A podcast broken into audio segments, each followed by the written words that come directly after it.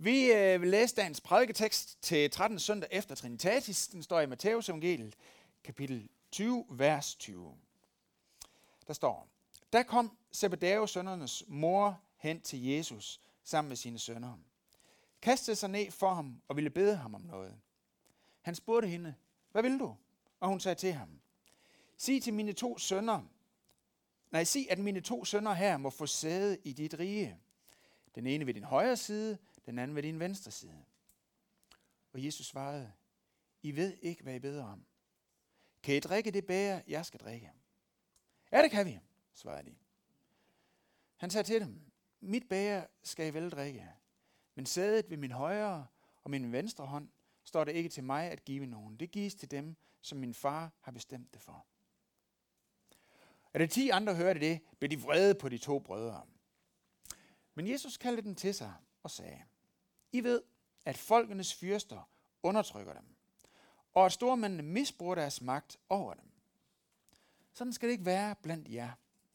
Men den, der vil være stor blandt jer, skal være jeres tjener, og den, der vil være den første blandt jer, skal være jeres træl. Lige som menneskesønnen ikke er kommet for at lade sig tjene, men for selv at tjene og give sit liv som løsesum for mange. Det var Herrens ord. Lad os bede sammen. Hmm. Kære Jesus, tak fordi du er her. Og tak fordi du har noget at sige til os, ligesom du havde til disciplene dengang. Og tak fordi du altid har noget at sige, der er bedre end det, vi har forventet. Tak for din godhed. Tak for din kærlighed. Tak for dit håb. Tak for din visdom. Tak for din nåde. Og far, jeg beder dig om, at du nu her vil åbne dit ord for os, sådan det må blive levende og virksomt og kraftfuldt ind i vores hverdag. Vi beder om, du vil tale til os her, vil du tale til børn ude i minikirke og til børnekirke. Vi er her for at høre, hvad du har på dit hjerte. Amen. Jamen, øh, den her prædiketekst, den starter ud med to meget ambitiøse fyre, nemlig Jakob og Johannes. Der er gang i dem, og øh, de var jo øh, inden for det liberale erhvervsliv, før de begyndte at gå rundt sammen med Jesus. De var nemlig erhvervsfiskere ved Genesaret Sø i fiskekonsortiet sammen med deres far Zebedeus. Så vi skal forestille os sådan øh, to øh, bredskuldrede og solbrændte fiskerfyre, der nu er begyndt at gå rundt sammen med Jesus. De vil frem i livet og øh, er ambitiøse for det, der skal ske i deres unge alder. For de har nemlig været ret unge. Jakob, som var den ældste, han har nok været omkring de 20 år. Og Johannes, som samtidig også var den yngste af alle de 12 disciple, han har kun været en 14-15 år. Så det er nogle ret unge fyre, vi har med at gøre her. Og en uh, beretning fra Bibelen, som er god til ligesom at illustrere, hvad det er, uh, hvad, hvad det er for nogle kål, er et tidspunkt, hvor Jesus og disciplene kommer til en samaritansk landsby for at bringe Guds rige og så videre. Og samaritanerne, de vil ikke tage imod dem, så de bliver nødt til at gå videre. Så kommer Jakob og Johannes hen til Jesus, og så siger de, hvad er Jesus? Skal vi ikke lade ild regne ned fra himlen og fortære den her landsby? Bare lige så et lille fromt ønske, Jesus. Var det ikke en god idé? Skal vi ikke gøre det? Og Jesus han siger, nej, det er ikke lige en god idé. Så går de videre. Og Jesus han har faktisk givet de her to brødre et øh, kælenavn, nemlig Tordensønderne. Tordensønderne. Det tror jeg var et meget godt øh, kælenavn til dem. Og lige forud for den prædiketekst, vi har til i dag, der har Jesus sagt, ved hvad gutter, nu begynder vi at gå op imod Jerusalem. Og som jøde, der ved man, at når Messias siger, nu går vi op til Jerusalem, så er det fordi, nu skal jeg til at være konge. Så Jakob og Johannes, de er hurtigt på aftrækkerne og tænker, hov, her er en mulighed, den må vi lige gribe. Og de kommer til Jesus og siger, Jesus, når du nu bliver den nye konge over Israel her i øh, Jerusalem og over det hele, så får du da brug for en god udenrigsminister og en god finansminister. Og Jesus, hvor heldig kan man være? Du har os. Hvad med at give os de to mest magtfulde poster i din kommende regering? Den på din højre og den på din venstre side. Hvor heldig kan man lige være? Og deres mor, jamen det er som der er ikke meget bedre med hende. Hun øh, tænker også, mine to sønner her, de skal bare helt frem i bussen. Og øh, jeg ved ikke, altså i Vestjylland, hvor jeg kommer fra, der var det ikke gået at tage sin mor med til en jobsamtale. Det er ikke et godt tegn på selvstændighed. Men øh, det er hun altså her, og vi kan jo bare konstatere, at det der med curlingforældre, det er altså ikke et øh, nyere fænomen. Men det interessante er at lægge mærke til, at hun er mindst lige så ambitiøs som sin sønner, og går direkte efter magt. Prædikenen i dag, den handler om ambition. Og hvad er kristendommens svar på ambition? Hvad siger Jesus, når han møder ambition? Umiddelbart, så kunne det måske lyde som det mest fromme at sige, at det er langt bedre at være afventende og droppe ambitionerne. Og være reaktiv i stedet for proaktiv, fordi så kommer man ikke så galt afsted. Fordi ofte så knytter sig rundsager på albuerne til ambition. Og er ambitioner i sig selv ikke derfor tæt på at være en syndig størrelse? Mange, rigtig mange driftige mænd og kvinder, og måske især mænd, hører kristendommens budskab på den måde, og så forlader de kirken. Fordi de kan simpelthen ikke se nogen vision i at være reaktiv. Men det, der er værd at lægge mærke til, det er, at den mest ambitiøse i dagens tekst, det er faktisk Jesus. Han har en langt større vision end Jakob og Johannes. Og det kommer vi til at vende tilbage til. Men det, som vi lige vil starte med, det er overskrifterne over dagens prædiken, som der er i den her tekst. For teksten i dag bearbejder ambitionen ud fra tre vinkler. Dels ambitionens udfordring, den behandler ambitionens forædling, og den behandler ambitionens forvandling. Altså ambitionens udfordring, ambitionens forædling og ambitionens forvandling. Først ambitionens udfordring. De her to fyre, Jakob og Johannes, de ønsker at komme til tops. Og de ser lige pludselig en stor chance for det, fordi en, som de er tæt på, til sydenladende snart vil være på magtens tinde. Og så gør de det, som er så normalt i så mange sammenhænge rundt omkring i verden og åbenbart også i det danske forsvar, hvis I har fulgt med i det i medierne, at man øh, forventer, at øh, ens nærmeste, de vil favorisere dem, der er tæt på en. Øh, altså de magtfulde favoriserer deres nærmeste. Det kaldes nepotisme. Og de ti andre disciple, de bliver faktisk sure over det her. Ikke fordi, at de øh, tænker, ej, det var godt nok moralsk anstødeligt, men højst sandsynligt fordi, at øh, det var Jakob og Johannes, der fik idéen før dem, og foreslog det til Jesus. De bliver sure og misundelige på Jakob og Johannes. Og Jesus han kalder på disciplene, og så giver han dem en lektion i samfundsfag. Han siger, I ved, at folkenes fyrster undertrykker dem, og stormændene misbruger deres magt over dem, altså dem, som de har under sig. Og det Jesus han skitserer her, det er det helt klassiske at der er en klasse hernede. De har ikke mange privilegier. De har ikke mange muligheder.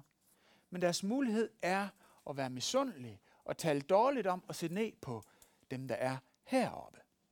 Klassen er fyrster og stormænd, der har magt og har privilegier, og som bruger deres magt og privilegier først og fremmest på dem selv, og ellers på at holde dem nede, som måske kunne tænke sig at kravle op på deres niveau. Heroppe, der siger vi, øh, der, der siger de, vores magt og vores privilegier og vores mulighed, den bruger vi da ikke på at løfte andre op, men på os selv. Helt klassisk samfundsproblem. Mig selv og mig selv, og så min næste, hvis det altså tjener mit eget bedste. Og Jesus han siger det, de alle sammen ved, at dem, der er øh, her, de misbruger deres magt og privilegier. Og det, der er værd at lægge mærke til, det er, at Jesus siger ikke, at det er forkert, at de har en magt, men at de bruger magten forkert. Og det er jo en kendt problematik op igennem historien. At enten så er du heroppe på bekostning af andre, eller så er du hernede på grund af andre, fordi der er andre, der synes, det er vigtigt, at du bliver hernede. Og der har i løbet af historien været rigtig mange forskellige løsningsforslag på den problemstilling. En løsningsforslag er liberalismen, som er grundtanken i det amerikanske samfund. Her sagde man, jamen det er da rigtigt, at det ikke dur, at der er fyrster, der undertrykker folk, og så er der nogen hernede, der ikke rigtig har nogen muligheder. Og det løser vi ved, at alle nu skal være fyrster og stormænd i det amerikanske samfund. Og så skrev man i uafhængighedserklæringen, at alle mennesker er skabt lige og har lige ret til frihed og stræben efter lykke. Sådan. Og man lavede en lov, der hed The Castle Law, Slotsloven, som egentlig bare er en regulering af ejendomsretten. Men man kaldte den Slotsloven, fordi man tænkte, at alle, der kommer til USA, de skal have deres egen stykke jord og bygge deres egen slot og blive herremænd, ligesom man havde det i Europa. Og så skal vi ikke længere have det her feudalsamfund, for nu kommer alle over og skal have sin egen herregård, og så laver vi en slotslov til at regulere, hvordan at det skal se ud. Sådan gik det bare ikke. Fordi ambitionens udfordring blev ikke løst med liberalismen. Så har vi set andre bud. Kommunismen er et andet bud. Karl Marx han sagde, jamen vi skal da bestemt ikke være fyrster alle sammen. Vi skal faktisk slet ikke have nogen fyrster og stormænd overhovedet. Vi laver en revolution, og så skyder vi alle fyrster og stormænd, fordi nu skal alle være nede på gulvet i stedet for. Og så lavede man unionen af sovjetiske socialistiske republikker, USSR, hvor alle var lige, næsten lige fattige. Og det mest uselviske projekt overhovedet blev det mest undertrykkende overhovedet. Fordi ambitionens udfordring blev ikke løst. Rundsavene blev siddende på albuerne. Og hvad siger Jesus så til sine disciple? Ja, han siger ikke, at det er da godt nok også en svær øh, samfundsmæssig udfordring, som vi egentlig, nok egentlig ikke rigtig kan gøre noget ved. Han siger heller ikke, at så må vi bare droppe ambitioner og storhed. Og det er måske nok det mest overraskende i dagens tekst. Han siger ikke til de her 12 mænd, som er hans disciple, skam jer med jeres ambitioner, Jakob og Johannes og Peter og alle jer andre. Udlev den inden for sportsverdenen eller inden for erhvervslivet, men forskam dig ikke i jeres kristenliv. Og kom så tilbage, når I ikke længere har nogen ambitioner, fordi at I er blevet sådan lidt, øh, ja, I er kommet til et sted, hvor I ikke rigtig øh, tænker, at det kan betale sig. Så kan I komme tilbage og følge mig. Nej. Jesus introducerer i stedet for en forædling af deres ambitioner. Og han siger, den der vil være stor, det er jo en ambition, ikke? Og vil være stor. Den der vil være stor, skal være jeres tjener. Han siger, Jesus, at storhed, sand storhed, er at være optaget af at løfte andre op. Og gå ned på det niveau for at løfte andre op. Han siger ikke, glem storhed, men han siger, sand storhed. Det er at være optaget af at løfte andre op. Og øhm, det har jeg et par eksempler på. Det første er et udtryk, jeg lærte for cirka 6 år siden, som jeg gerne vil dele med jer, nemlig udtrykket at spille andre gode. Og øh, det var en situation, hvor jeg lige var kommet her til Kolding som præst, og det var min kammerat Elon, også han var sovnepræst ude i Harde. Og så var der to modne mænd, der var flink og inviterede os med ud at spille badminton. Og det var Søren Kjær Poulsen og Jørgen Rosander. De har spillet badminton i en del år, og øh, ude i Hardehallerne. Og så inviterede de Elon og mig øh, med, og vi havde ikke spillet badminton i en del år, men vi var ligesom på det der niveau, hvor vi havde adgang til at låne en catch af nogen.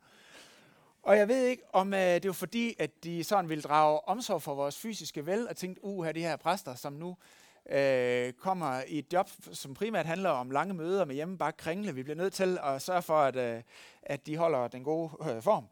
Men vi blev i hvert fald inviteret med. Og så skulle vi spille dubbel. Og Elon spillede sammen med Jørgen, og jeg spillede sammen med Søren. Og det jeg husker, det var, at Søren han sagde, nu, nu, øh, at han sagde noget i retning af, det drejer sig om at spille hinanden gode. Og Søren han var meget bedre end mig. Og han kunne det der med at stå ned på baglinjen, og så sende en bold helt ned til modstanderens baglinje. Og det kunne jeg faktisk ikke. Ja, det var ikke fordi, at han var stærkere end mig, det var bare fordi, han havde en lidt bedre catcher. Men det kunne jeg ikke. Så vi lavede den fordeling, at vi spillede dubbel. Ikke at vi stod ved siden af hinanden, men jeg stod helt op ved nettet, og tog dem, der sådan lige fløj over nettet sådan midt på. Og så tog sådan stort set resten af banen. Øh, både ude i siderne, og, og, og, og så det helt, og, og så spillede vi faktisk sådan rimelig godt. Men det var helt klart, at den, der spillede mig god, det var Søren. Fordi han havde det overblik over spillet. Han kunne nogle ting med en badminton catcher. Og jeg glemmer ikke det udtryk. Det handler om at spille hinanden gode. Og det blev en et af mine grundlæggende ledelsesparadigmer. Det handler om at spille hinanden gode. Et andet eksempel. Min farbror, Biver Kruse, døde her i sommer. Og han døde efter to år med kraft, 68 år gammel. Men indtil han blev syg, havde han spillet håndbold på et ret højt niveau. Og han spillede øh, også med nogen, der kun var halvt så gammel som ham. Og hans styrke på banen var, at han kunne spille et hold godt.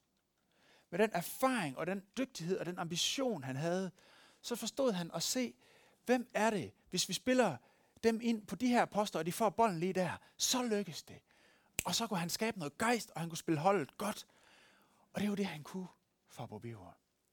Han forstod det her med at bygge spillet op, så han spillede andre gode. Tredje eksempel. Jeg kører mountainbike. Men en udfordring for børn og unge, som mange steder ønsker at køre mountainbike, er, at der er stort set ingen klubber, der har børne- og ungdomsrækker. Fordi de voksne, de gider ikke at køre sammen med børnene, de gider ikke at træne dem, de vil bare køre selv.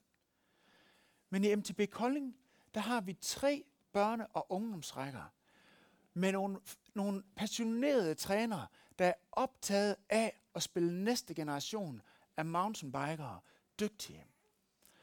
Og på det hold, hvor min søn Benjamin kører, der er der en tidligere øh, verdensmester, en tidligere kvindelig verdensmester, der træner, og så en, øh, en erhvervsleder, som utrætteligt år efter år efter år træner de her vildbasser, og over otte år har bygget en fantastisk kultur op. Så når der kommer unge fra Varde, fra Vejen, fra Sønderborg, fra Vejle og fra Horsens for at cykle i Kolding, fordi der er nogle voksne, der er passioneret optaget af at spille dem gode. Det synes jeg simpelthen er så fedt. Vi har en fantastisk børne- og ungdomsrække her i Kolding, og det tager jeg simpelthen hatten af for.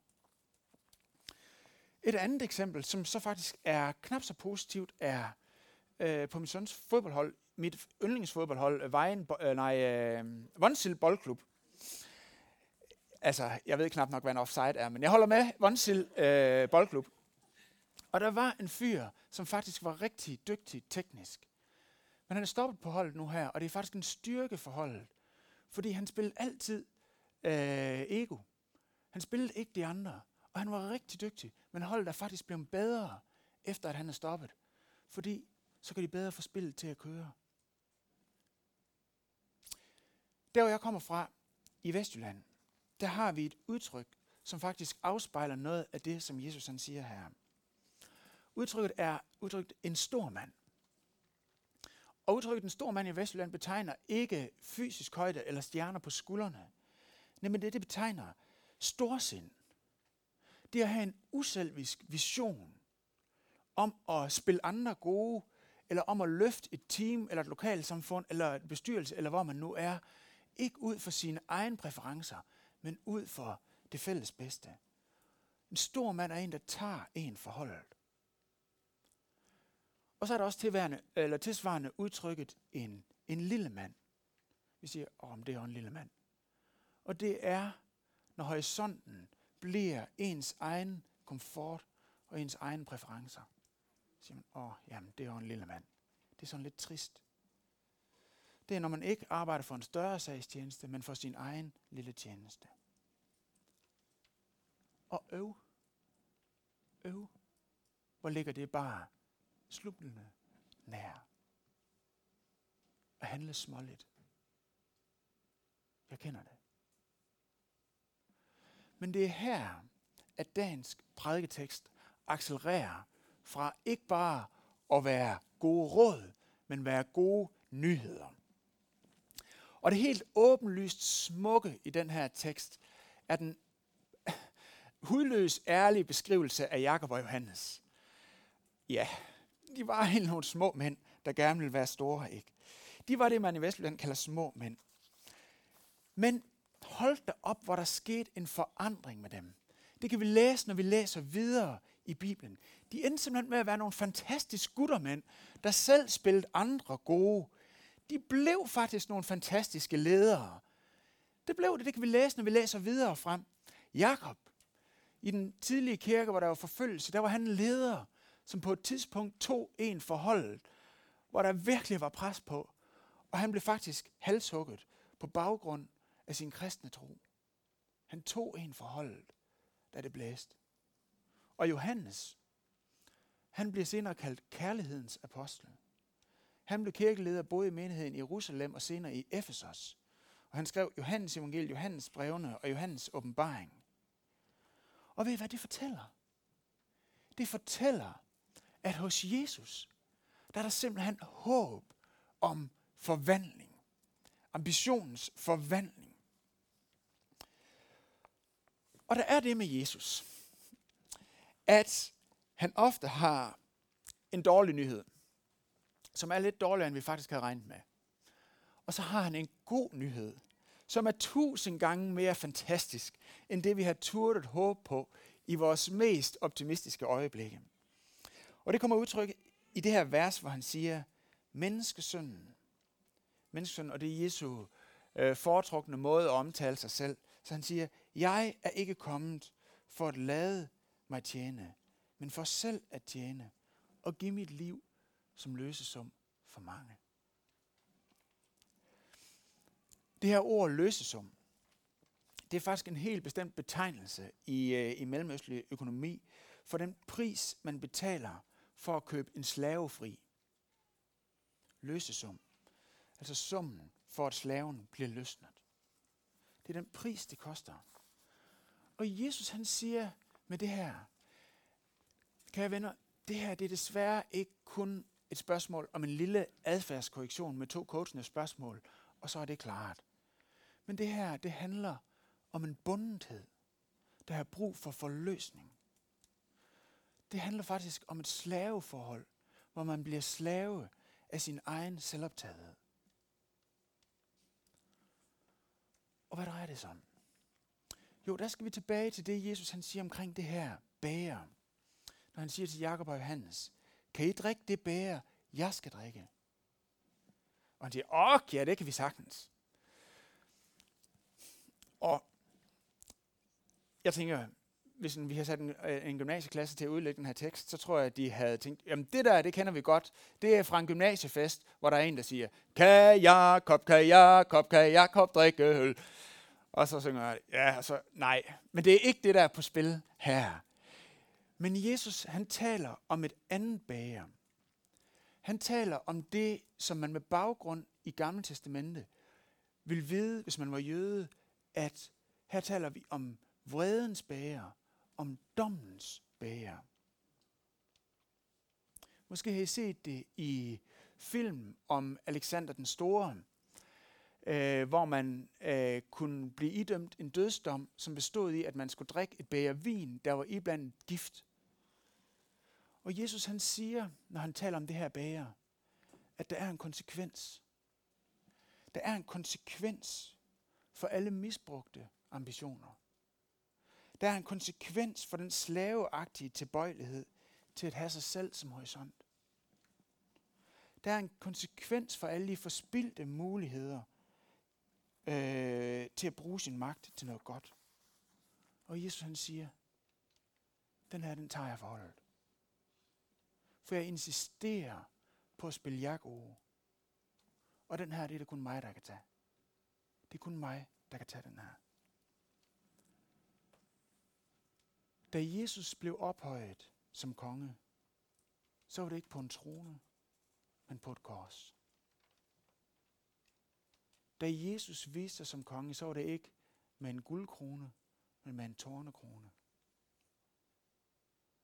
Og da han blev ophøjet, var det ikke med Jakob og Johannes på sin højre og venstre side, men der var det med to kriminelle. Han drak bæret. Han betalte løsesummen. Og ved I, hvad det betyder? Det betyder, at hvis Jesus allerede har befriet os fra den fortid, øh, der måske er knap så storsindig, så kan vi bruge vores energi på noget andet end bortforklare den.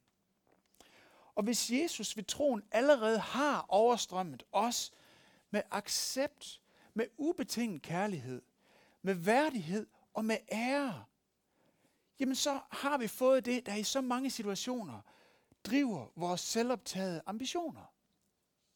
Det er derfor, vi hele foråret har arbejdet med styrke trosbevidsthed. Om at være grundfæstet i bevidstheden om det, Jesus han giver os. Den kærlighed, han har til os. Den ære, han tildeler os. Og den værdighed, som han giver os. Og derfor er det at leve med Jesus i det daglige den absolut bedste udgangspunkt for at være super ambitiøs omkring det at tjene andre og spille andre gode og gå efter sand storhed. Og jeg ved ikke, om den her dag er dagen for dig, hvor du vil sige, wow, det er også rigtigt. Jeg oplever den her ambition. Men fra i dag af, der vil jeg bruge den på noget andet. Der vil jeg simpelthen være bevidst om at have et andet mål, jeg lever for. Der vil jeg leve for det, som Jesus han taler om som sand storhed. Der er det det, jeg vil bruge mit liv på. Der er det det, jeg vil være ambitiøs omkring. Der er det det, jeg vil stræbe efter. Og ved I hvad, jeg læste en øh, undersøgelse lavet af australske sygeplejersker for de samtaler, de havde haft på dødslejet med folk, der lå der og ville sige det sidste og gjorde regnskaber over deres liv. Og ved hvad, det der var tindrende klart for folk i den situation, når de skulle have regnskabet op, det er, hvor der er sand storhed. Der var ingen af dem, der ærgede sig over, at de ikke var nået til det eller det eller det trin. Men det, de ærgede sig over, de ikke havde, de ikke havde brugt mere tid sammen med dem, som de havde mulighed for at spille gode. At de ikke havde mulighed for at løfte. Og ved at være på det tidspunkt, der ved alle, hvad sand storhed er. Det ligger simpelthen i os fra skabelsens morgen, og en gang imellem, så kan det være så flimret, og der kan være så meget tog ind omkring. Men i dagens tekst, der siger Jesus, ved I hvad venner? Gå efter sand storhed. Lad være med at, at være tilfreds med second best.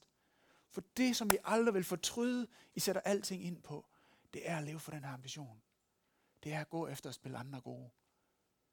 Alle kan dufte, at det er sand storhed. Og en dag, der vil det stå så tindrende klart.